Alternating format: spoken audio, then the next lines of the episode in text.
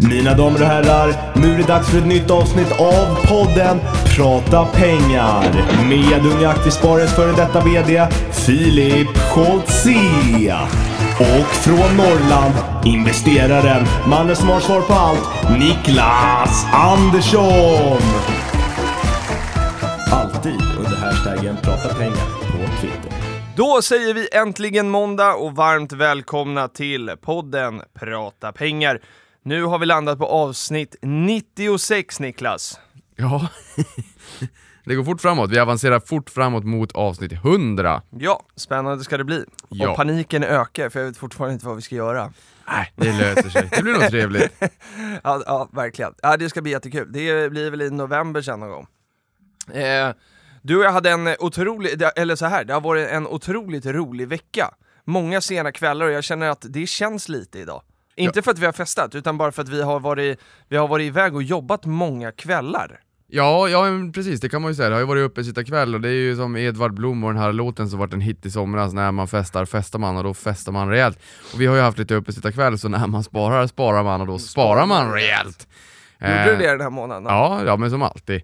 Och, och då hade vi uppe sitta kväll och sen så har vi haft lite andra eh, utsvävningar. Igår var vi iväg på, på eh, vad ska vi säga att det var? Ja men det var ett, eh, ett kvinnligt nätverk här i Stockholm som vi eh, blev eh, inbjudna till att snacka med. Det var inte för, alltså för det här var ju väldigt liksom en... Eh, Avslappnad miljö på något sätt. exakt. Så att det, det var inte att vi stod och liksom föreläste utan det var mer att så här, vi fick en fråga och sen eh, eh, tre timmar senare så, så eh, sa vi att nu kanske det är dags att runda av. Men vi hade kunnat vara där hur länge som helst. Ja, det var fyra timmar. Ja, för det föregicks av en middag också. Ja, och vilket var otroligt trevligt. Ja, det var det. Du, jag har nog aldrig sett sådär många tjejer i ett och samma rum med, med sådär många eh, frågor per minut eller vad man ska säga. Det var fantastiskt Ja, det trevligt. smattra. Ja, Det, men det, jättekul var det. en, en god känsla, mycket, mycket energi i magen när man gick därifrån, även om det var lite sent på kvällen. Ja. Vi skulle förbereda podd nu inför tidig morgon, men det var otroligt roligt i alla fall. Ja, exakt. Men det är det jag menar med att man är lite mör idag. Men jag tycker också det är så här charmen med att spela in de här fredagarna, att man är ofta lite mör, man har liksom, eh, man är en slagen hjälte efter veckan och jag känner, eh, ja men och så var det så här, nu på morgonen var det regna och kallt och skit och så här, men så kom man ändå hit och träffade Oskar, eh, Oskar Lindgren 88 på Twitter och så liksom bara skiner man upp. Det är fantastiskt att komma hit på morgonen, jag måste säga det.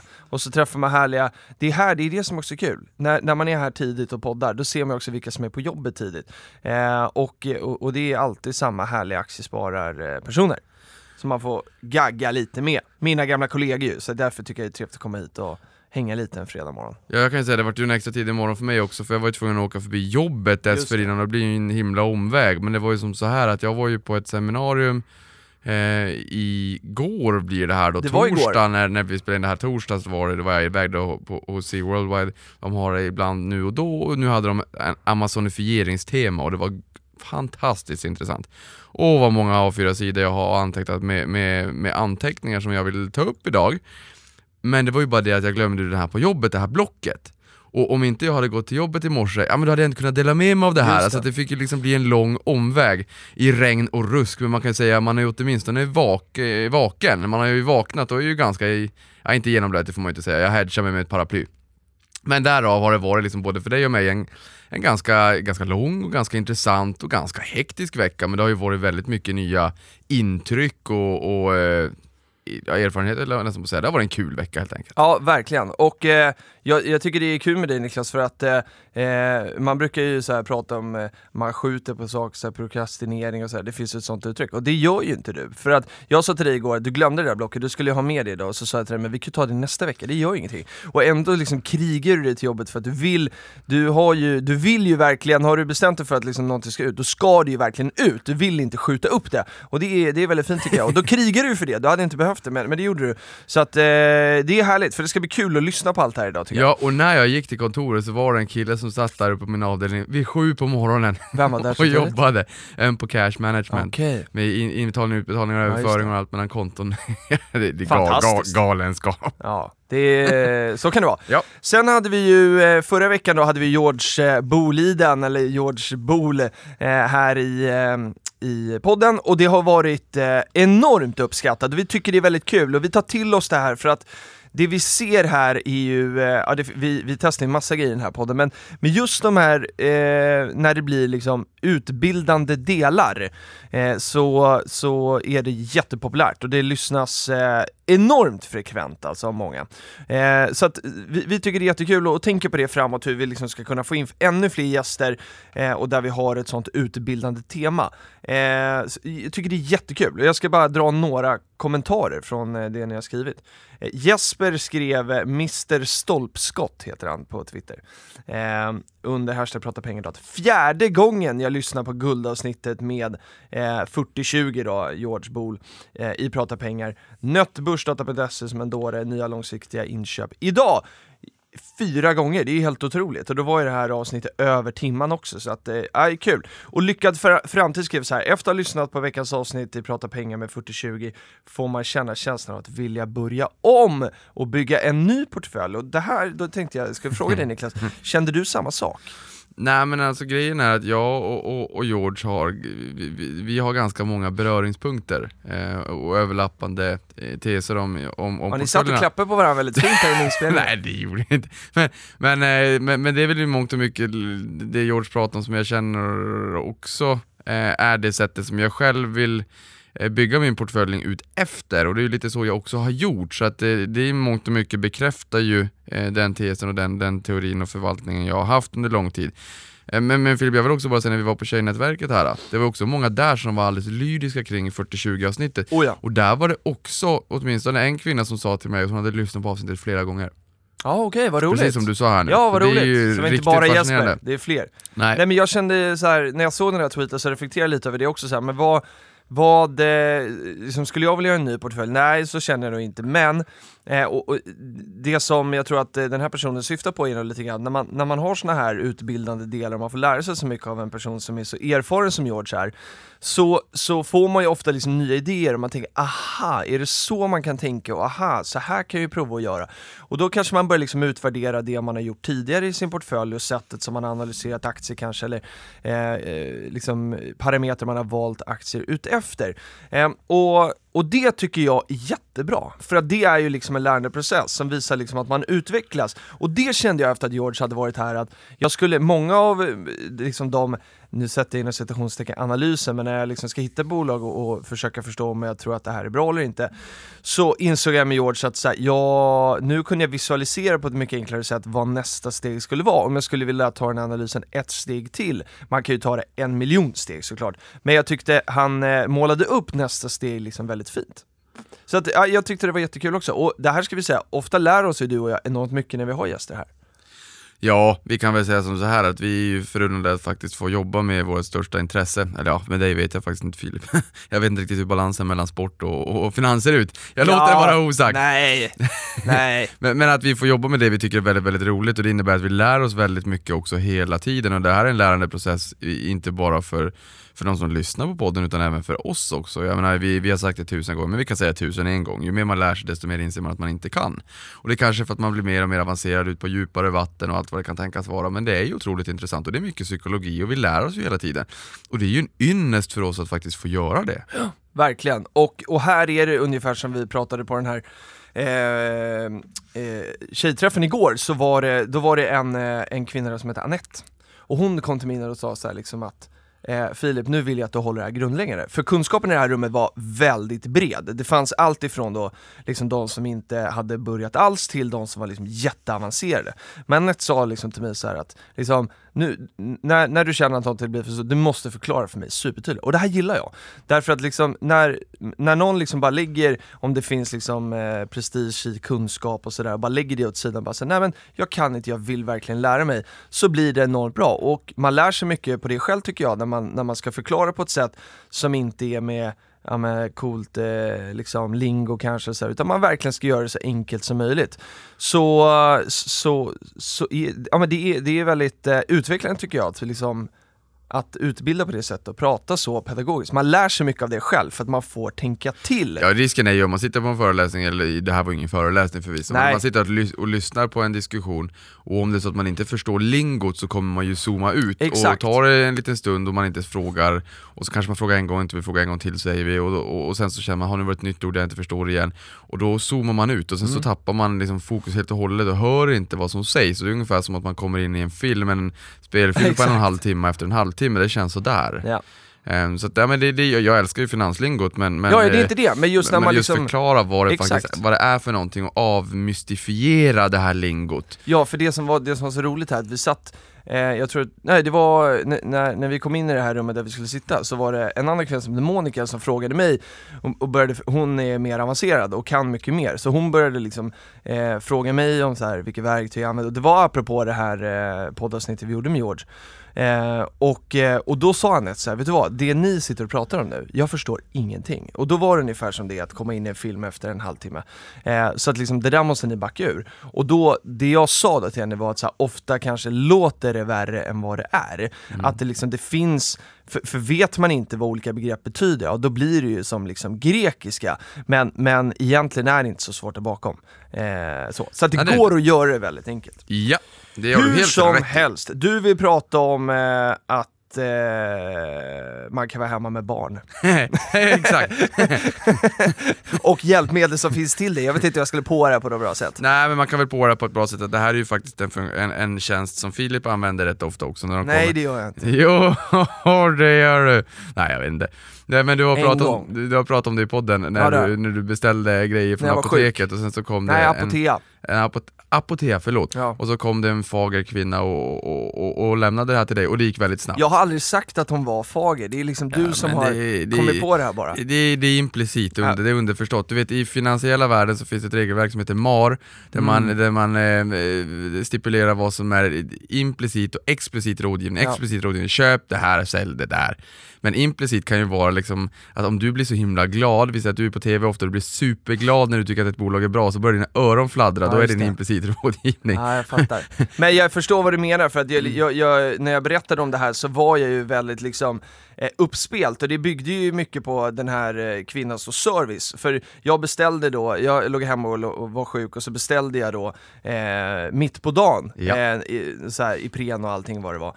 Eh, eller om det var Alvedon, jag kommer inte ihåg. Och sen så, och en febertermometer. Och sen ringde det på min dörr, alltså senare under eftermiddagen, och då stod den här kvinnan utanför och liksom levererade det här till mig då. Eh, så att det liksom gick ju så otroligt fort, och jag hade liksom aldrig förväntat mig det. Eh, och hon, så hon eh, levererade ju fantastisk service. Sen att du ville få det här till att jag liksom beställde grejer från Apoteket för att få liksom, eh, kunna eh, få, eh, ha tjejer som kom till mig som jag eventuellt skulle kunna dejta. Det, det var där, där, där drog du det liksom ett par Nej, steg längre. nej. Men eh, absolut, man vet aldrig var man träffar någon, så ska man ju säga. Nej det vet Men man så inte. var det inte i det här Nej, nej, så var det inte i det här fallet, men det kan ju vara Girl Next Door och sådär också. Det, nej, precis. Men, eh, igår då så att säga, när vi skulle vara på det här tjejnätverket, då hade inte jag sagt det där hemma så att säga, och då var jag ju tvungen med, med svansen mellan benen vid, vid halv fem ringa och säga du jag kommer inte hem för jag ska iväg klockan sex. och, och, och, och då tyckte hon, jaha, då vart ju hon låst i lägenheten så att säga, hon kom ju inte ut. Eh, och, och sen hade hon beställt Vadå då? från, från Apotea. Nej, Du har inte låst in den va? Nej, nej, nej, nej, nej, nej, det har jag inte. Fast det skulle man ju kunna göra om telefonen sen när det blir såna här digitala lås, då har man ju bara en app och så kan jag trycka Just på lås. Men då antar man ju att Jenny har samma app så att hon kan öppna Nej, nej, nej, då kan jag ha en admin, do not override.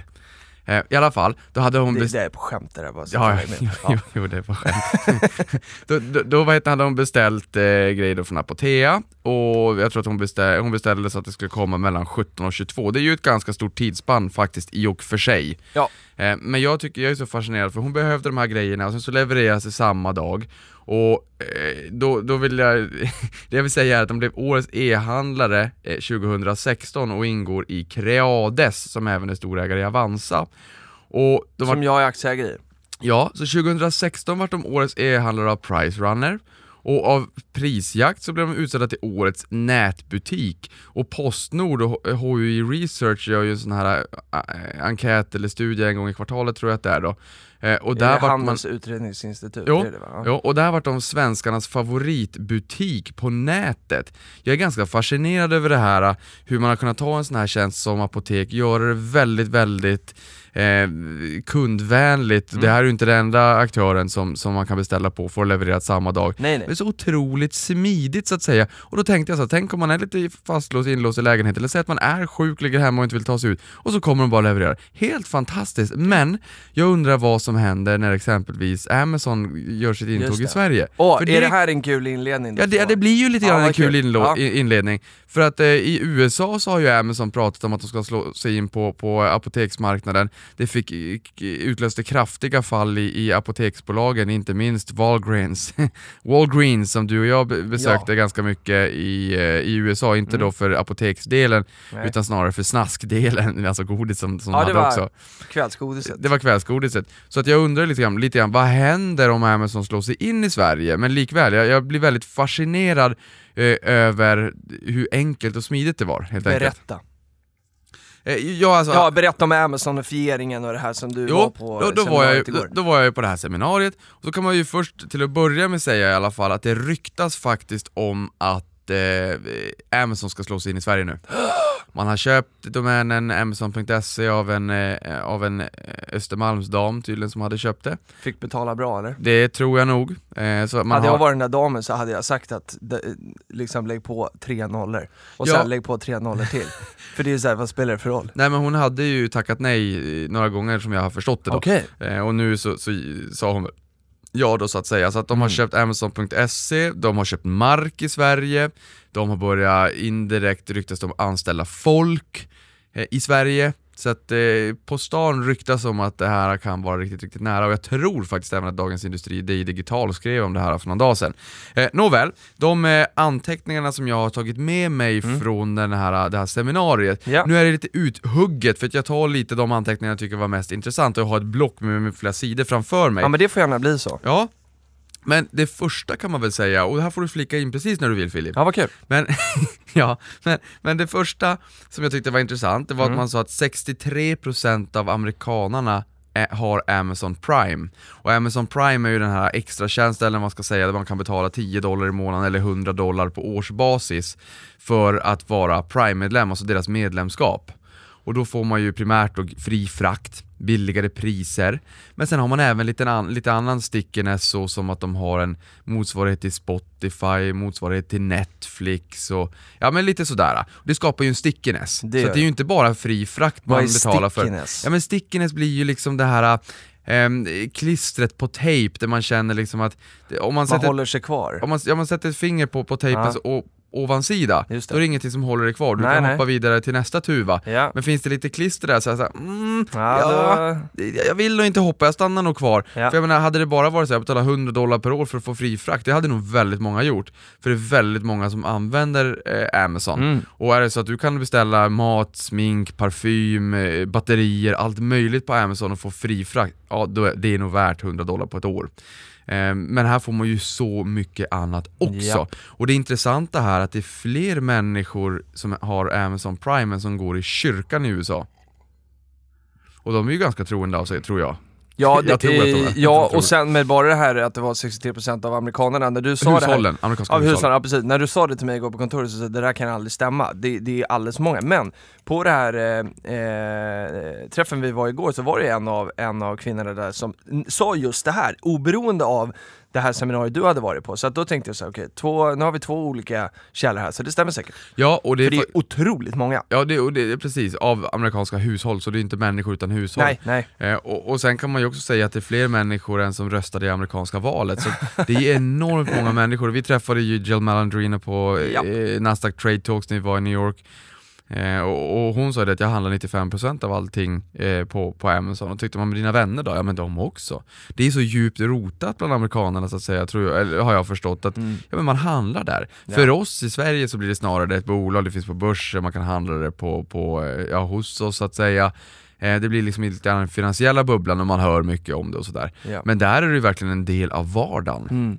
Eh, Sen kan man säga att tillväxten kollapsar i fast moving co- consumer goods eh, och det här är mycket på grund av eh, white label. Och white Vad är label det för produkter då? Ja, white label är egentligen att du tar en produkt och sen så white labelar du den. Man kan säga att Man licensierar ut den. Ja, man skulle kunna säga att eh, någon har en superhäftig sajt med massa nyckeltal och sen så white-labelar man den till Avanza och så Just sätter Avanza sin stämpel på den. Fast det är inte Men det här Avanza som första du sa, levererar. fast service någonting. Eh, fast moving consumer goods. Just det. Ja men det är mycket så, va- varumärken. Nike, Okej. Adidas, eh, Mamma Scans köttbullar eller eh, eh, Ja, allt möjligt Mm. så att säga. Eh, fast consumer goods, det är ju inte riktigt dagligvaror, det är ju inte matvaruaffär. Men, men det är som vanliga consumer kläder goods, som, kläder med mera, som Mm. får stryka på foten lite grann just på grund av white label. Och i Sverige tror jag att när vi pratar white label, Avanza gör inte det här bara, jag tog det var ett då- dåligt exempel. Men EMV i dagligvaruhandeln är ju jättestor, alltså egna märkesvaror. Om du tittar på... Icas egna varor. Ja, Den, ja. förut så var det Euroshoppet, sen gjorde man ju om det där och i, i, i, inom Axfood så var det Eldorado, nu är det ju Ica och Ica Basic och allt vad det är och det är Garant på Axfood. Det här har blivit jättestort även på Amazon ska tilläggas. De har 400 miljoner artiklar, Mm. men de har rätt många artiklar som också är just white label. De kan säga ja men batterier. Ja. Eh, vi kan presentera 15 eh, olika batterisorter du söker batterier på Amazon, men vi vill också ha en white label så att någon får tillverka batterier till Amazon, Amazons eget varumärke, de tjänar mera pengar. Ja. Och det här är någonting som, som sätter ganska hård press på, på eh, eh, consumer goods, helt enkelt. Mm. Sen har vi e- e-handel, eh, påverkar ganska mycket. Eh, och sen så, alltså e-handel, det har vi hört inte minst med det här death of brick and mortar och folk handlar på nätet istället för att gå till butiken i, i, i shopping malls i USA. Shopping malls i USA, det kan vi också säga att man kanske inte kan extrapolera den här eh, retail-döden i USA eh, till Sverige rakt av. Det går faktiskt inte. Och det är lite olika förutsättningar. Jag hörde en siffra här igår som jag tyckte var väldigt intressant. Ehm, som, där man sa att i USA så finns det 24 kvadratmeter butiksyta per person. Mhm. Vet du hur många som finns i Tyskland? Nej. Fyra. Oj. Så det, det, det, Ja, okej, det är en jäkla skillnad. I Sverige vet jag faktiskt inte, men det är lite skillnad. Ja. Men förutom e-handel som tar en stor del av kakan så är det även discounters. Eh, och discounters, de som sänker priserna rätt mycket, 20-40% normalt sett, får, rätt stor, eh, eller får en större och större andel av kakan. Ja. Tar vi dagligvaror i Sverige så är det ju Aldi och Lidl. Eh, De har inte lyckats slå sig in i Sverige. Det gäller inte internationellt. Och det finns andra, eh, Dollar Tree och vi, i Sverige har vi Dollarstore Mm. och det, det, det finns den här typen av discounters som, som tar rätt mycket marknad. I Sverige eh, ska vi inte titta utan vi ska titta i Europa.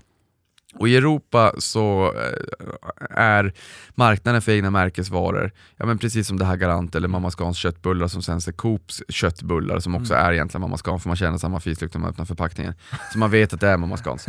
Eh, det är 35% i, i, i Europa, Okej. I, i USA är samma siffra 20%. ja. Där tror man på en konsolidering och att det blir en ökad andel med, med just de här egna märkesvarorna. Eh, men e-handeln ökar ju också transparensen och det här är ju inte bra för producenter. Nej. Eh, går du in på Price Runner, prisjakt, Mm. gör du det? När Ja. du ska köpa någonting? Ja. Jag också. Jag tror att många som lyssnar på det här säkert gör det också. Det ökar transparensen. Mm. Det blir lite jobbigt för producenterna, man, man, det, det blir liksom en strukturell press ner på priserna. Amazon inte minst. Mm. Vet du att man, man sa att så som du och jag gamlingar Filip, vi googlar ju. Just det. Eh, Kidsen youtubar ungefär som vi googlar. Just det.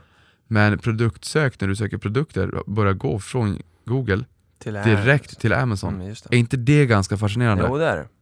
Det händer ganska mycket där. Men det här som är så, så vi var inne på det här förut, men att liksom, man har så svårt att relatera till det här i och med att vi, som det inledde med att Amazon är på väg till Sverige, så är de ju inte i Sverige än och det gör ju eh, man kan ju beställa ändå och liksom få eh, så, men de har liksom inte etablerat med Prime och alla de här sakerna som, som det finns i USA och i många andra länder och det gör ju att man liksom, man, man, man fattar ju inte Amazon här än. Nej, Nej. det har du helt rätt i och det var därför vi fick den här aha-upplevelsen när vi var i USA. Exakt. Men jag menar, det är bra momentum i e-handelstillväxten globalt, det, är, det exploderar och det här sa man på seminariet också. Bolag som tar fram nya affärsmodeller och där man lyckas i mobilen. Det Såg du att de kom med en kanonrapport igår? Ja. Upp 8% Ja. i efterhand. jobbigt. Över 1000 dollar nu per aktie. Ja, Mm. jobbigt. 971 i torsdags när jag tittade. Eh, och, och det, jag menar, e-handeln som sagt växer jättekraftigt. Eh, och, och jag menar, i USA så har vi ju pratat om foot traffic. Och foot traffic det är alltså hur, hur mycket rörelse, hur mycket människor det är som rör sig i gallerierna, i butikerna. Och, för även om det är så att man kan mäta hur många människor som handlar och hur stor eh, snitt att eh, varukorgen är Kvittot, ja. precis här och sådär. Så det är ju även foot traffic Ja, därför just att människorna måste ju röra sig och se butikerna och varorna för det är en marknadsföring. Det är ner Det är 50%. liksom. Oj! Ner 50%, alltså det, det, det är en enorm kollaps Okej. i USA just det här när det kommer till foot trafficen. Och det jag vill säga här är att eh, Amazon Web Services med, med sin clouding-verksamhet och sådär, det är kassakon i Amazon. Och de tjänar 15 miljarder Ja. US-dollar på årlig basis och det växer 45%. Clouding, det har bara börjat. Och där sa man att Där är stor konkurrens också. ja, i- Men de är ju stora på det. den adresserbara marknaden idag är 300 miljarder US-dollar. Mm. Och, och Amazon Web Services, om det hade varit ett eget bolag så hade det varit det bästa techbolaget i världshistorien, i universum eftersom att det inte finns något intelligent liv, oss veterligen än i alla fall, på andra planeter. Det, det är helt otroligt vad de har lyckats bygga upp. Och de är, ja som sagt, de är enormt stora, det är där kassa, peng, kassakon, det är där pengarna kommer till att de ska kunna eh, fortsätta expandera internationellt. Och vet du vad? Vi pratar Alibaba. Mm. Vad känner du för dem? Eh, jag har liksom ingen relation till dem egentligen. Jag frågade Jag har Amazon, aldrig handlat där. nej, Amazon Web Services, vad händer då så att säga, med clouding och sådär och bolag och, och, och vad händer där om de kommer in i USA? Och då Mm. menar de på att de kanske har delat upp världen eh, i varsin del. Ja. Amazon kanske kör väst i alla fall nu, Alibaba kör, kör eh, Asien, Mm. Kina. Och just det här web services, det är, med- jag tror att de flesta bolagen tycker att det är jobbigt om de anställda har Dropbox och hemliga dokument eller vad det kan tänkas vara, för det är känsligt och var är dokumenten? Står de på servrar i USA? Hmm, kanske inte så roligt.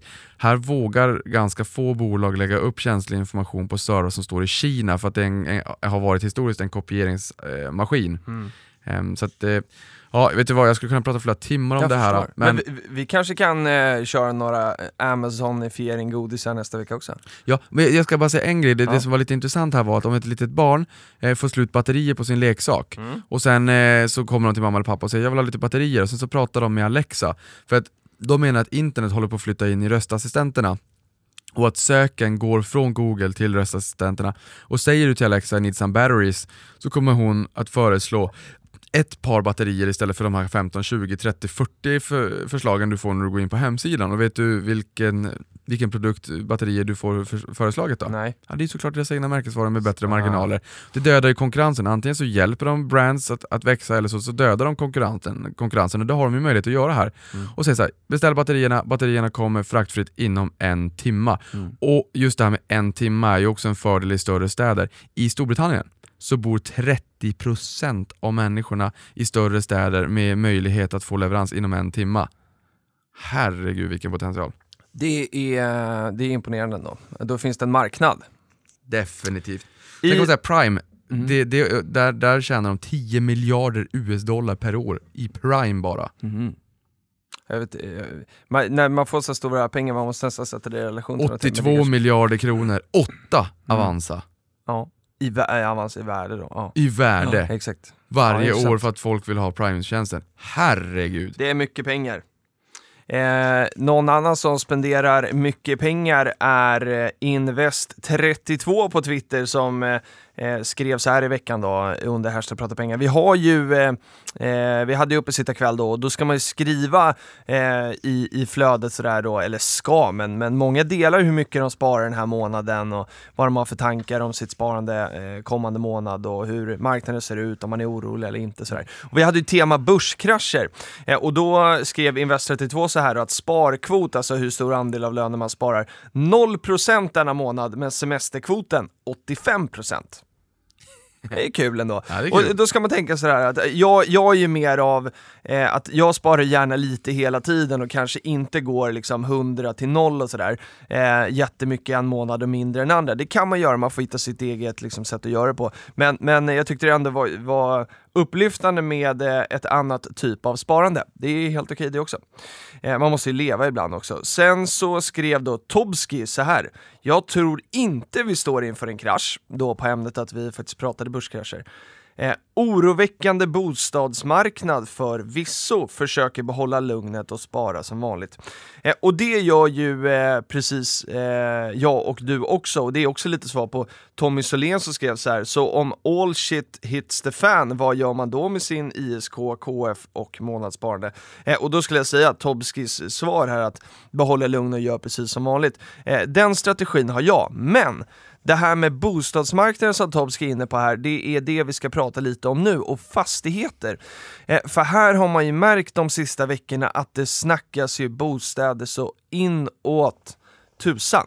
Och det är, sprider sig oro och det är, ja, jag vet inte vad alltså. Eh, och det man säger, mäklarna säger att det är enormt utbud och så är det få som vill köpa eller det är få som går på visningar. Det blir inte så mycket budgivningar och så vidare och så vidare. Och så sprider det här sig som en löpeld och så blir folk jätteoroliga och så går man då inte på visning och man vågar inte lägga bud och sådär. Så det här blir ju så självuppfyllande och det är precis som vi ser när, när det blir eh, liksom sättningar på börsen, att det blir överreaktioner hela tiden. Sen får man ju resonera om man tycker det här är sunt eller inte. Men eh, det vi ska prata lite grann om nu är ju både den här eh, bostadsmarknaden då eh, och sen också då koppla ihop det på fastighetsaktierna, för det är väldigt många som blandar ihop.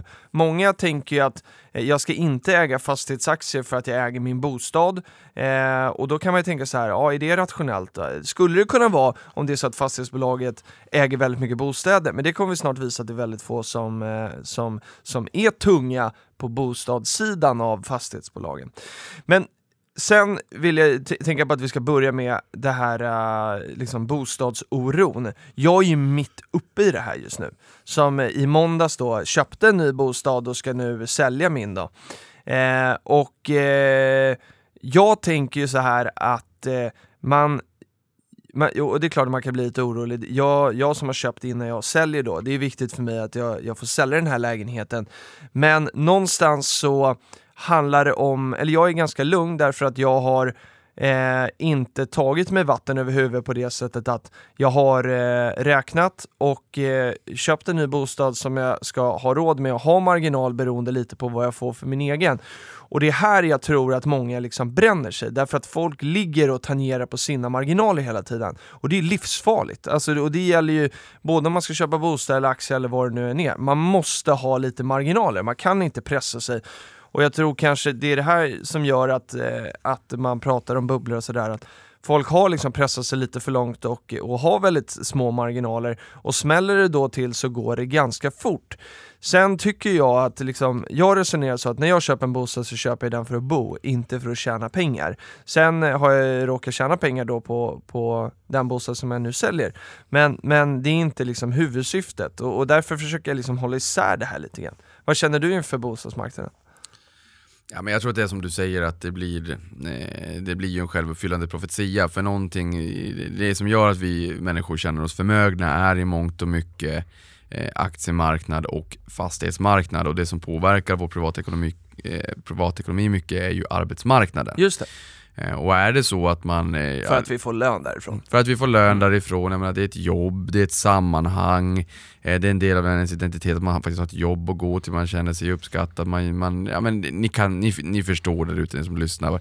Det, det, känns bra att ha ett jobb så att säga, och blir man av med jobbet så känns det nog inte lika bra. Nej. och, och, jag tror inte människor kanske har så stor buffert, inte alla i alla fall, vilket Nej. är lite jobbigt. Och då är vi inne på det här med marginaler ju. Då är vi inne på marginaler. Mm. Eh, och sen aktiemarknaden, ja det spelar egentligen ingen roll om aktierna går ner om man inte ska använda dem, men Nej. det är inte så många människor som har den där väldigt, väldigt långsiktiga vyn. Nej. Eller man kanske tycker att man ska ha det, sen så gör det ont i magen när det går ner och det är helt okej. Okay. Mm. Eh, men lite, det, det är lite ont när aktiemarknaden går ner, och sen om bostadsmarknaden också går ner på det och man blir av med jobbet, ja då är, då är, då har vi, då är vi liksom där och en shit hits the fan. Verkligen. Eh, men man kan väl säga att Wallenstam var ju ute och sa att man, eh, de är ju Sveriges största byggare av eh, bostäder för egen förvaltning i privat regi, då, eller eh, produktion i egen regi och sen mm. förvaltning på det. Då. Mm. Eh, och, och, man skulle sälja eh, en BRF Orangeriet, då, så här bostadsrättsföre en bostadsrättsförening, eller bostadsrätter helt enkelt. Och där sa man att marknaden är lite svalare. Mm. Eh, vi gör om det till hyresrätter. Ja. Och det är tredje gången man gör det. Mm. Två tidigare gångerna var 2007, 2008, 2009, alltså i finanskrisen. Mm. Och det här var ju något som gjorde att man drog öronen åt sig. Yep. Eh, åtminstone på börsen. Och sen jag menar, står det på löpet i tidningarna sådär att man, priserna ska ner och jag, jag gillar inte sånt där populistiskt. Nej jag tycker det är ehm, jobbigt och det, vi har haft, eh, Oscar Properties har ju också haft lite tufft och det har varit några olika såna här händelser som gör att bostadsmarknaden helt plötsligt börjar skaka. Men det, alltså här tycker jag då, eh, igen till de här liksom marginalerna, att man känner att precis som i en sparande, har man marginaler och vet att så här, men eh, oavsett om bostadsmarknaden liksom skulle krascha eller om aktiemarknaden skulle krascha, har jag råd att liksom fortsätta med det? Har jag råd att bo kvar i den här bostaden även om det skulle göra det eller att räntorna skulle gå upp? Att man liksom li- sitter med marginalerna, det, det är fortfarande jättejobbigt. Det är ju inte kul, Nej. men man måste ju kunna liksom räkna på ett sätt och, och, och köpa det man har råd med och inte hålla på och liksom ta sig vatten över huvudet hela tiden. Nej, och sen kan man väl säga bankerna räknar med att man ska klara en betydligt Ja, högre ränta än absolut. 6-7% men det betyder ju inte att man själv in- Mm, tänker på att man ska dra ner på det ena och det andra Exakt. roliga och fredags eh. Eh, nu gör inte jag någon fredagsoxfilé men jag är ingen, jag är ingen super... Nej men det är bra lite sen då, alltså, Ja, duktig på att laga mat. man måste kunna dra i handbromsen i sin privatekonomi. Ja, och jag menar när räntorna går upp, det behöver faktiskt inte heller vara så att man, man ska vänta tills Riksbanken höjer reporäntan. Nej, nej, nej. För då har förmodligen räntorna sprungit redan för länge sedan. För jag menar, tittar vi på obligationsmarknaden, eller snarare räntemarknaden, så, så tittar vi ju på eh, ettårsräntor, tvåårsräntor, femårsräntor och tioårsräntor. Och om, man då, om marknaden blir konfident med att ja, men nu börjar förutsättningarna förbättras radikalt, nu kommer det bli, gå mycket bättre eller vad den kan tänkas vara, då kommer ju räntorna stiga upp långt innan. Och det påverkar ju också räntesättningen både på, på kortare räntor från bankerna men även på de lite längre om man vill binda sig. Och då kommer priserna allt annat lika eh, få stryka på foten lite grann. För många, det många människor tittar på idag, det är så här, okej men vad är den totala månadskostnaden? Vad är det för avgift om jag köper en bostadsrätt? Mm. Vad är det för räntekostnad? Och sen så bakar man även in amorteringen. Det är ingen kostnad men det är pengar som ska ut i hushållet. Mm. Klarar jag det eller inte? Ja eller nej? Jag ska leva, vi är två vuxna, två barn exempelvis. Vi måste bo. Klarar vi det? Ja, nej, ja. Och, och går räntorna upp så att säga och räntekostnaderna blir en större andel, man stramar åt kanske med, med, med att man ska kunna amortera ännu mera. Vi kanske drar ner av, ränteavdragen lite grann. Det, är- det är en lite, lite tråkig cocktail. Men Exakt. samtidigt så tycker jag just där när man är ute och säger så mycket att priserna ska ner och allt, ja men självklart blir folk lite mer avvaktande, Visst. lite mer försiktiga när det pratas om det här i media, på nyheterna, på Aftonbladet, när man är på matvaruaffären på löpet. Det, vi är bara människor, Ja. det är självklart. Visst. Och jag tror någonstans att Wallenstam var först ut med det här, Ja. åtminstone på börsen. Ja. För det är ett stort fint bolag på Stockholmsbörsen, eh, får man säga. Och, eh, ne- ne- och de är enormt erfarna av Mm. att bygga. Ja, för det är det vi ska komma in på nu. Eh, just den då kopplingen till bostadsmarknaden då på börsen, så har ju du eh, tittat på de här fastighetsbolagen som vi har på börsen och, eh, eh, och så ska vi liksom kika på vad, vad är det för typ av fastigheter de har då? För att eh, fastigheter är inte bara bostäder, det är en typ av, eh, av segment eller sektor eller nej vad ska vi säga?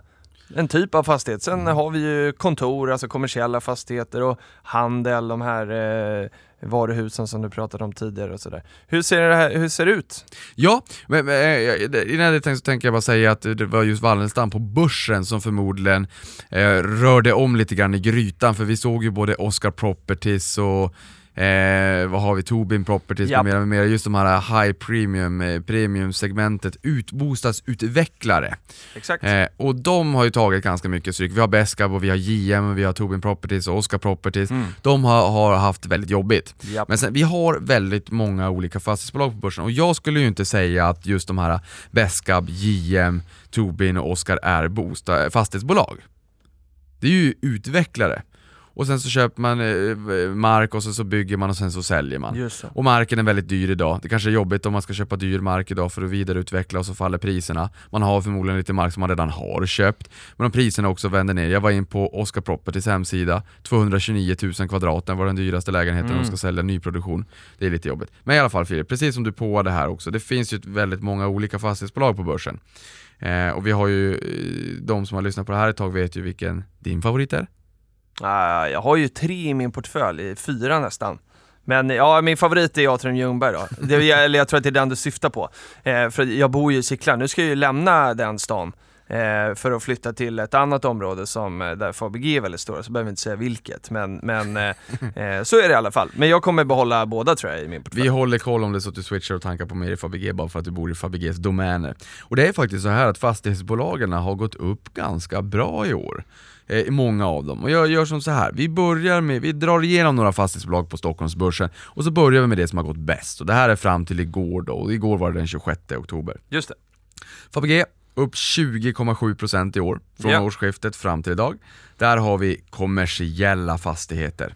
Stockholm city, Hammarby Sjöstad, Arenastaden och Solna Business Park. Och man kan ju säga som så här att vi har ju, huvudstaden har ju fina eh, lägen i, i Stockholms innerstad. Eh, Fabege har också det. Yes. Tittar man, och då för de som är bekanta med Stockholm, står man vid Svampen, tittar upp Kungsgatan upp så ser man att det ligger ett Starbucks där, Även bland den fastigheten på Birger Jarlsgatan är eh, Fabeges. Eh, Och vi vi sitter i. i, Ja. Fabege med unga aktiesparare är Fabege. Sen är jag inte rädd så fashionabel kanske men... Nej, men, och sen så det här med, med fastigheter, då får man ju också, för, för eh, vi säger så här, nu har vi tagit Fabege, jag vill bara säga en sak. Det finns olika risker när det kommer till fastigheter. Vad har man i portföljen? Är, och så här, vilka, vilka regioner, var finns man? Stockholm, Göteborg, Malmö, lite tryggare än Pajala, Boden och eh, Karesuando. Eh, och sen kan man också säga, vad är det för någonting? Är det bostäder? Är det lokaler? Just det. så kommersiellt? Ja. Är det industrilokaler? Mm. Är det logistikfastigheter? Är det en eh, sushi-restaurang i Pajala där man har super, eh, där man verkligen har utvecklat den här fastigheten just bara Mm. för, för vissa speciella förutsättningar för den här sushi-restaurangen och om de går i putten så är det ingen annan som kommer kunna hyra den här fastigheten för man har gjort så stora förändringar så det går så att säga inte. Det är ju skyhög risk. Nu finns ju inte riktigt det. Och eh, finns man bara i Sverige eller finns man även i Sverige och utomlands? Det är lite olika risk beroende på vad det är för fastigheter i bolaget, det är det jag vill få fram. Precis. Och då kan vi ta Klövern, de är upp 18,8% i år. Där har vi kontor, lokaler och sen har vi lite utveckling av bostadslägenheter, bostadsrättslägenheter. Och det hade inte jag riktigt full koll på. Jag tror Klövern äger Globenområdet för att också ge en sån här... eh, Li, eh, Ja. Det Ja. känner många har varit i Globen kanske. Ja, och Rutger Arnhult då. Här är det mest Stockholm. I relativa termer också lite tryggare. Och det är då man kan tycka, men vad menar ni med det? Det är ju i Stockholm som priserna är alldeles bananas när det kommer till bostäder. Men det är ju bostäder, det är lite grann en galenskap. Ja. Men vi har ändå en hygglig konjunktur och vi har en inflyttning och vi har en efterfrågan, konsumtion och det där. Det är, jag menar, Avanza, vi ska ju få en, en liten ny lokal här för vi har växt ur våran befintliga. Det är jättesvårt att hitta lokaler i citylägen i Stockholm. Så att det, det är tryggare så att säga än just de här mindre städerna nå- runt om i, i Sverige helt enkelt. Eh, jag vill bara poängtera att jag är utböling och inte från Stockholm från början så det är inte så att jag är Stockholm eh, wannabe och säger att Stockholm är bäst i hela världen. Eh, Balder, Erik Selin, Pilotskolan, äger 40% av bolaget, upp sj- 17% i år. Yes. Här har vi dock väldigt mycket bostäder. Ja. Där har vi bostäder, kommersiella fastigheter och sen har vi hotell som Erik faktiskt har gett in sig i den senaste tiden. Och det här är i hela Norden då. Det är mycket Finland där då. Eh, det är mycket, ja, men och tittar man då på, på vad man har för olika, men jag, jag sa ju det, kommersiellt och, och lite hotell och bostäder. Bostäderna mätt i eh, eh yta så står det för eh, 67%. Så att en majoritet av, av ytan i, i Balder är ju bostäder. Men det är också så här, är, är det läskigt eller inte? Vi pratar ju bostadsrättslägenheter. Ja. Här pratar vi Hyres. bostäder, Ja, hyresbostäder, Jo, människor som bor i sin hyresbostad, betalar sin hyra varje månad. Vad är det vi ska vara oroliga över där? Värdeförändringarna i fastigheterna, men, Ja. men, men, men, det så kommer det ju alltid vara. Kassaflödet är ju det viktiga, det har vi sagt förut. Kassaflöde, kassaflöde, kassaflöde. Sen kan det vara så att man kommer ut med en rapport och säger jaha, nu är värdet på fastigheterna lite mindre. Ja, so what? Fortsätt med kassaflödet. Mm.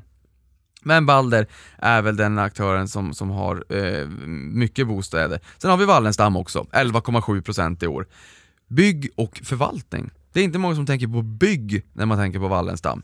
Men de är alltså den största aktören i Sverige när det kommer till att bygga bostäder i egen regi för egen förvaltning. Sen finns det lite bostadsrättslägenheter också. Vi pratade om Orangeriet som man gjorde om till hyresrätt här för en stund sedan som utlöste lite oro i marknaden. Men de bygger ju flera tusen, jag tror att de bygger 7 500 bostäder. Undrar om det är på ett år? Det är i så fall helt galet för Klövern pratar om en 200-300 bostäder Ja. och här pratar vi flera tusen. De är jättestora.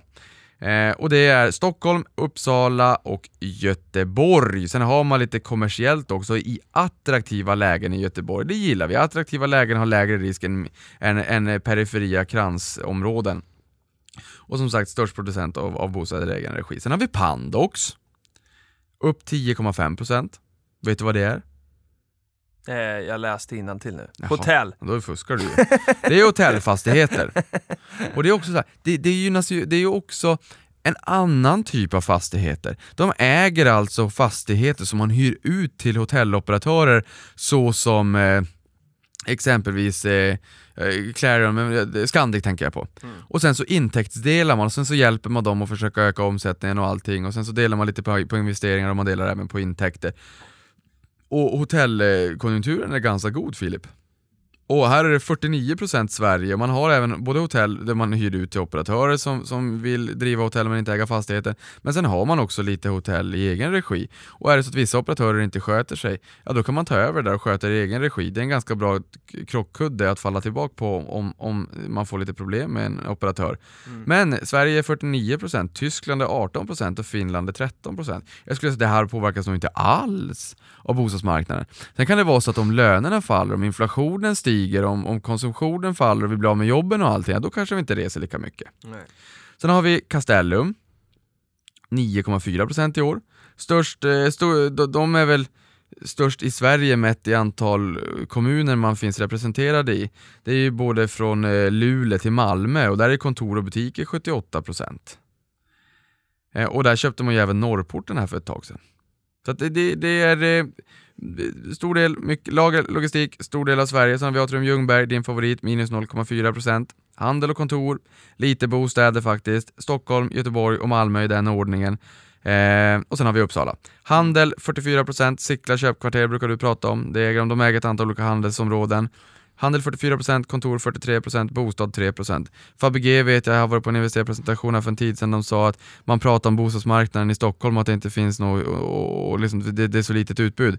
Ja, vad tror ni att det är på, på fastigheter då? Eller på kontorsyta? Mm. Det är samma kris där också. Och de har byggt upp hela arenastaden med Mall of Scandinavia som Unibail Rodamco äger. Jo, fast Fabege äger ju alla, alla eh, huvudkontor som har kommit dit istället. Alla de fastigheterna med Telia och SCB och allt vad det kan tänkas vara, Telenor och allt vad det är. Och sen har vi huvudstaden, AAA-lägen. Eh, många av de här fastigheterna finns ju på monopolbrädet. Eh, och det är liksom de bästa fastigheterna. Nordiska kompaniet är väl kanske ett flaggskepp i, i Stockholm. Ehm, Hela biblioteksgatan men det är Stockholm och. Göteborg. Ja, Eh, exakt. 80% Stockholm, 20% Göteborg. Så att, eh, jag tror att det du och jag vill säga Filip, att andemeningen är att det finns otroligt eh, stor spridning av fastighetsbolag på börsen och man kan inte dra alla över en kam. Nej verkligen, och jag tyckte det var bra det här första du sa också med man ska skilja på fastighetsbolagen och bostadsutvecklarna där ju liksom den ena då bygger för att sälja vidare och, och den andra eh, köper fastigheter för att liksom, ja, men förvärva och, och behålla kanske på ett annat sätt. Då. Det blir ju, i, i, är ju faktiskt en annan sak. Eh, och eh, jag tycker vi ska ta, ska ta ett par frågor. Ja. Idag har vi ett sånt där digitalt eh, schema igen. Eller eh, digitalt agenda, digital agenda, så man får liksom switcha emellan. Eh, vi gör så här. Eh, vi tar frågan från eh, i, eh, nej, den där hade vi faktiskt inte med. Eh, passiv inkomst innan 60 skrev då så här då, bostadsutvecklarkrasch minsann. Och det kan ju vara en, en liten eh, eh kommentar då på, på det här med de bolagen som har gått i, i putten. Sen hade vi Politico som frågade så här, tjena, hur kan ett bolag göra mer vinst än vad omsättningen är? Alltså du tjänar mer om du säljer för 100 kronor så har du gjort eh, 110 i vinst då. Hur går det ihop? Filip vet vad klockan är på morgonen. Ja, men jag tänker att då måste det ju De vara... kan ha sålt någonting. De kan ha sålt någonting med och gjort en reavinst. Ja. Sålt någon tillgång eller vad det kan tänkas vara. Eller skulle det kunna vara så att i och med att du har det här eh, med finansiella kostnader då, eller intäkter på slutet, kan det vara så att man har sålt någonting för 100 eh, och sen har man gjort en vinst, säger vi då, rörelsevinst eller något sånt där på 50 och sen har man tradat de här pengarna och köpt en aktie som har gått upp 300% eller någonting. Då har man ju på sista raden gjort mer vinst än man har i omsättning. Ja men, ja men säg så här då, ja visst omsättning och de varorna man säljer, men precis som du säger, det kan ju vara andra grejer. Man kan ha, man kan ha sålt en tillgång och gjort en vinst där, eller man kan ha ett, ett positivt eh, resultat efter finansiella poster, att det inte är räntekostnader. De flesta människor har ju bolån och massa räntekostnader förknippat till bolån. Men här kanske man snarare har intäkter, eh, ränteintäkter eller vad det kan tänkas vara. Eh, eller att man har hedgat sig med finansiella derivat, där man har skydd, eh, skyddat sig för prisfluktuationer på kakao eller kaffe eller kopparpriser vad det kan tänkas vara och sen så har det fallit väl ut och sen så blir det en liten bra slant på sista raden. Ja, Kan jag, jag bara spånar Politico, liksom. eh, om Politico har hittat ett sånt här exempel, kan du inte eh, skriva det under hashtag prata pengar och eh, så kan vi få titta på ett sånt exempel i så fall, för jag tror jag aldrig har sett det här ens. Eh, inte vad jag minns i alla fall. Eh, ska vi prata lite preferensaktier eh, innan nyhetssvepet? Det är ju lite koppling då till eh, de här Eh, den här bostadsgrejen som vi pratade om och fastigheter och sådär. Ja men det tycker jag, för jag ställde ju en fråga på, på Twitter här igår lite grann vad folk ville ha, eh, om man fick eh, liksom, vara med och önska lite innehåll i podden här och då var det många som ville prata preferensaktier för de har ju haft en liten sättning. Nu kan man ju säga att preferensaktierna har ju gått upp ganska mycket under året faktiskt om man tittar från årsskiftet fram till idag. Men de senaste dagarna har det varit lite jobbigt och jag tror att det där handlar i mångt och mycket om en eh, sektorrotation. Eh, vi har sett en sektorrotation på börsen när man har eh, valt att sälja fastigheter till förmån för någonting annat. Nu senaste dagarna, vi är mitt inne i en rapportperiod, man kan läsa i tidningen, inte minst den rosa då, att eh, eh, verkstad är glödhett. Det kanske är så att, man, att fastigheter får stryka på foten lite grann och sen så köper man verkstad istället. Sektorrotationer förekommer hela tiden. Eh, jag kan tycka att det kanske är lite synd att sektorrotationen drar alla bolag över ett bräde för att vi pratade ju nyss om att det finns väldigt många olika fastighetsbolag. Och det här slår ju på preferensaktierna också. Och preferensaktierna föll ganska mycket, förmodligen mer än sina, sina eh, noterade stamaktier för de, i de bolagen som både har vanliga stamaktier, alltså A eller B-aktier och då preferensaktier. Och Problemet här är ju att i preferensaktierna så är det ofta inte så stora eh, volymer, det är inte så, så bra likviditet i dem. Nej. Det kan omsättas kanske 3, 4, 5 miljoner kronor en dag och ibland kan det vara betydligt mycket mindre än det. Och sen en dag som den här när det går ner lite grann kan det vara betydligt mer. Men en vanlig aktie kan ju omsättas 50, 100, 150, 2, 3, 4, 500 miljoner om den är riktigt likvid. Eh, Men här är det så liten omsättning så att om folk tycker så här, fastigheter, det är läskigt, jag vill ut, jag säljer och sen så blir det ett säljtryck, det blir ett överhäng och en våt filt i preferensaktierna. Fler som vill sälja än, än vad det finns köpare som är beredda att ta emot de här, det här säljtrycket. Ja men då drar ju priserna ner och ner ganska ordentligt. För mig spelar det här ingen roll. Eh, jag ser vad som händer och jag har varit med om det här förut också när det har varit stora eh, utblåsningar i preferensaktier.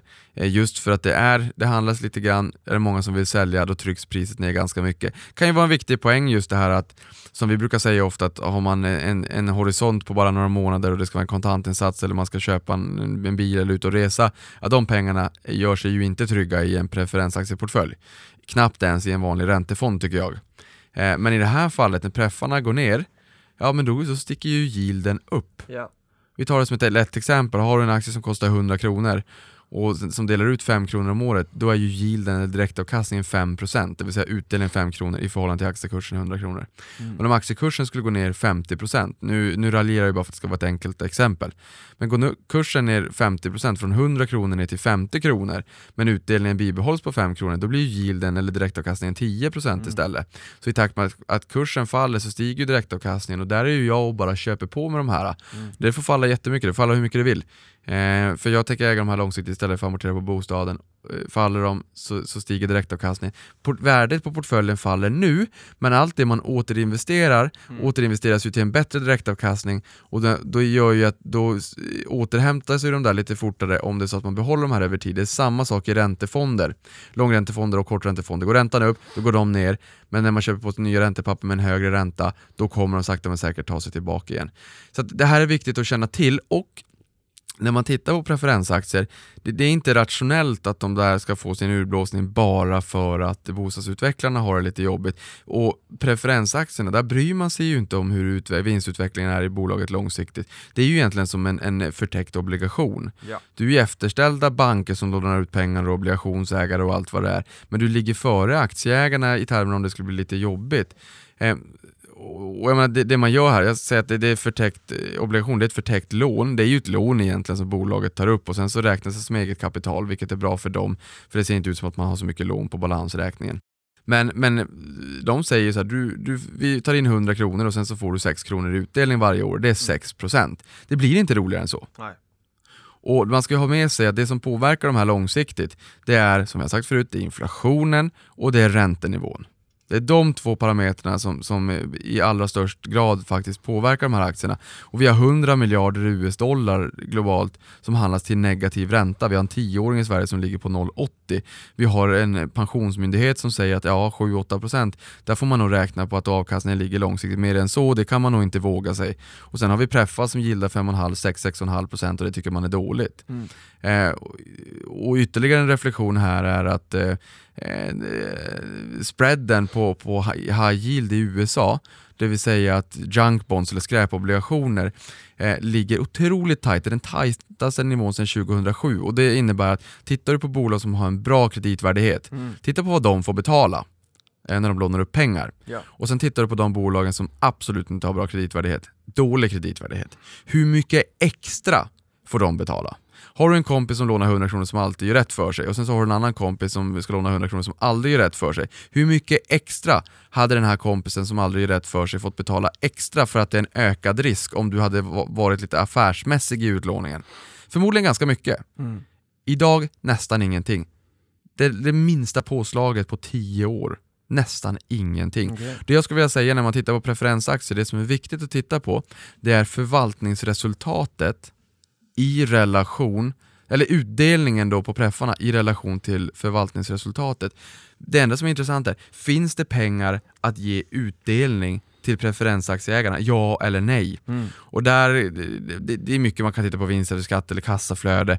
Men Börsveckan skrev om det här för, en, för ett år sedan och då skrev de förvaltningsresultatet i, utdelningen i förhållande till förvaltningsresultatet. Och då har jag tagit fram en definition här bara så att folk förstår det här. Och det är eh, förvaltningsresultatet då, alltså resultat före värdeförändringar och skatt. Före förändringar i värdet på fastigheterna och skatten man betalar. Och Det här eh, nyckeltalet mäter bolagets resultat från den operationella verksamheten från att äga och förvalta fastigheter. Lite grann som ett rörelseresultat i ett vanligt bolag. Titta så! Många av de här bolagen kan faktiskt betala den här utdelningen flera gånger om och man har både en räntebindning och en kapitalbindning. Så börjar räntorna gå upp så tar det ett antal år innan det här slår igenom på bolagen. Så mm. gör, gör, man får göra sin egen analys helt enkelt. Men vi kan säga att om preffarna ligger ner på 5,5% sådär, det är en ganska låg yield preffarna skulle kunna falla. Ja. För att de har gått upp ganska mycket. Just det. Men, men det är inte rationellt att, att liksom de ska krascha för att bostadsutvecklarna har det jobbigt. Då avslutar vi med lite nyhetssvep då. Ja, jag tänkte så här, oh, vi, vi, kan, jag ska dra några stycken för jag tajtade ihop nyhetssvepet idag just av den anledningen att jag visste att det skulle bli lite Amazon-snack och att det skulle bli lite eh, snack här kring preffarna också, för det ville vi inte missa. Så vi tar några snabba här helt enkelt. Och vi kan börja med Fortnox. Vi träffade bolaget här i veckan och där ja. har storägaren Olof Hallrup som eh, var ute där och, och var väldigt kritisk till budet från Visma Ja. Eh, och såg till att det där budet föll väl lite grann då. Nu är han misstänkt för grov insiderbrott och begärdes häktad igår. Trist. Ja, och det här är igår, nu blir det alltså onsdag, det blir den 25 då. Eh, och affärerna har gjorts strax innan Vismas bud i fjol. Mm. Inte snyggt. Vi hade även Oscar Properties ordförande där, det var ju också lite grann insiderhandel, det här är inte snyggt. Apple Pay lanserat i Sverige, men tre av fyra storbanker lägger locket på. Också trist, det är mycket trist här. Sen har vi Bahnhofs dotterbolag Elementica, som, eh, där man la det här projektet på is lite grann. Det är alltså en serverhall och sen har man lagt det nära Fortum för att kunna skjuta överskottsvärmen från serverhallarna direkt in till fjärrvärmenätet i Stockholm, få betalt för det, kunna eh, använda de pengarna för att sänka priset när om ett bolag kommer in och vill lägga sina servrar i det här så kan de få lägre priser på elbörsen just för att man får lite betalt i andra änden så att säga. Det här la man på is men nu meddelar man att marknaden i samband med rapporten då från Bahnhof att man kommer att lägga, lämna in en bygglovsansökan här i fjärde kvartalet. Sen har vi Jordan Belfort, mannen bakom karaktären i Wolf of Wall Street som varnar för initial coin offerings, biggest scam ever, säger han. Eh, och han kan ju sina scams. Vi får väl helt enkelt säga, jag har ingen aning och det vet inte om du har heller Filip, har det? Nope. Nej. Men det är vad han har sagt i alla fall, don't kill the messenger. Sen eh, den amerikanska marknaden för börshandlade fonder, ETFer, fortsätter att växa och investmentbanken Goldman Sachs bedömer att det kommer flöda in totalt 400 miljarder dollar till amerikanska ETFer under nästa år, skriver Financial Times. Otroligt mycket pengar. Vi pratade om ETFer igår på den här träffen med, med tjejerna här. ETFer är roligt för det finns så mycket spännande nischade produkter. En ETF om man vill följa ägare av kött och blod eller om man vill eh, investera i robotiseringen eller artificial intelligence eller självkörande bilar eller vad det än är. Det finns många spännande smala ETFer. Det är det som jag tycker att är lite roligt med dem. Det blir smalt och lite nischat. Sen har vi Jan Svensson på Latour som tänker lämna. Men han är ute i god tid för han tänker lämna augusti 2019. Ja jäklar. Eh, Då eh, talar man om i god tid. Men han är ju till åren också. Ja, eh, Så otroligt kanske- duktig. Undrar vad han ska göra sen. Han kanske eh, bara ska vara pensionär då. Ja, Nej, men det var bara vä- väldigt, väldigt kort. Jag hade Ja, kunnat skriva ett längre nyhetssvep, men jag var tvungen att springa till jobbet i morse och hämta de här. Amazon-papperna, för jag ville verkligen inte missa att dela med mig av, av det jag fick veta igår. Det uppskattar vi och det är riktigt alldeles utmärkt för nu är vi på timmen. Så vi eh, säger ha en trevlig vecka och eh, om ni missade uppesittarkväll så kan ni se det på Unga Aktiesparares YouTube-kanal i efterhand. Vi eh, hörs igen nästa vecka. Ha det bra, hej då!